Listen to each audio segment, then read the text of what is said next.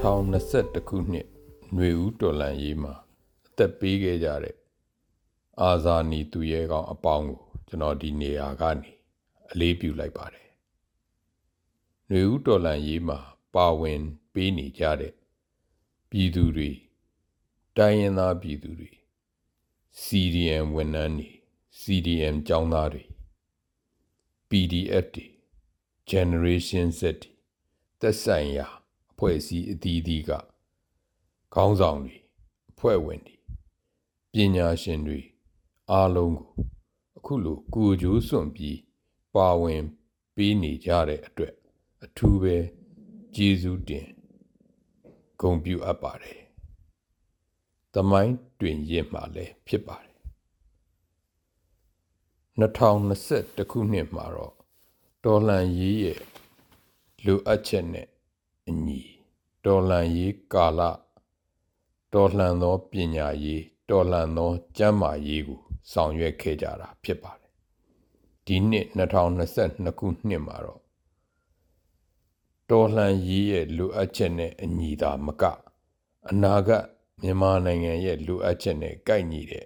ပညာရေးကျမ်းမာရေးကိုအကောင်အထည်ပေါ်ဆောင်ရွက်သွားကြရမှာပဲဖြစ်ပါတယ် နံပါတ်1အနေနဲ့တော့လူငယ်တွေမိမိတို့ကလေးတွေအတွက်ပညာရေးမှာလစ်ဟာနောက်ကျကြံမနေရအောင် online on ground ပညာရေးအကောင့်ထဲပေါ်မှုတွေကို Federal Democracy ပညာရေးမူဝါဒနဲ့အညီတိုင်းရင်းသားခေါင်းဆောင်များကျောင်းသားသမဂ္ဂများဆရာသမဂ္ဂများ CDM ဆရာများ CDM ကျောင်းသားများနဲ့ လက်တွဲပြီး NUCC ရဲ့မူဝါဒလမ်းညွှန်မှုတွေနဲ့အညီအကောင်အထည်ဖော်ဆောင်ရွက်သွားမှာဖြစ်ပါတယ်။နံပါတ်2အနေနဲ့တော့ပညာရေးကျန်းမာရေးကိုပြည်သူအားကိုရယူပြီး CDN ဝန်ထမ်းများရဲ့စွန့်လွတ်စွန့်စားမှုတွေနဲ့နေရာဒေသအခြေအနေပေါ်မှာမူတည်ပြီး အကောင်းဆုံးဖြစ်အောင်အကောင့်ထဲပေါ်သွားမှာပဲဖြစ်ပါတယ်။ ကျောင်းတွေဆက်ပြီးတော့ဖွင့်လှစ်သွားပါမယ်။စီးယုံစီကန်းတွေလည်းဆက်လက်ဖွင့်လှစ်ပြီးတော့ဝန်ဆောင်မှုများပေးသွားမှာဖြစ်ပါတယ်။နံပါတ်3အနေနဲ့တော့ပညာရေးကျန်းမာရေးအကောင့်ထဲပေါ်ရမှာ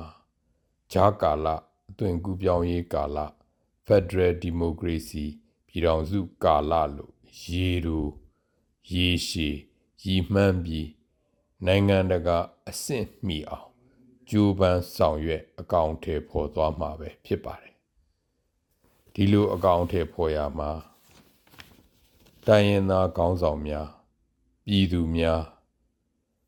ကျောင်းသားသမဂဆရာသမဂများ CDM များအားလုံးပါဝင်ကူညီအကောင့်ထဲပေါ်ပေးကြပါလို့အထူးမေတ္တာရက်ခံပန်ကြားဖိတ်ခေါ်အပ်ပါတယ်အရေးတော်ပုံ မုတ်ချအောင်ရမည်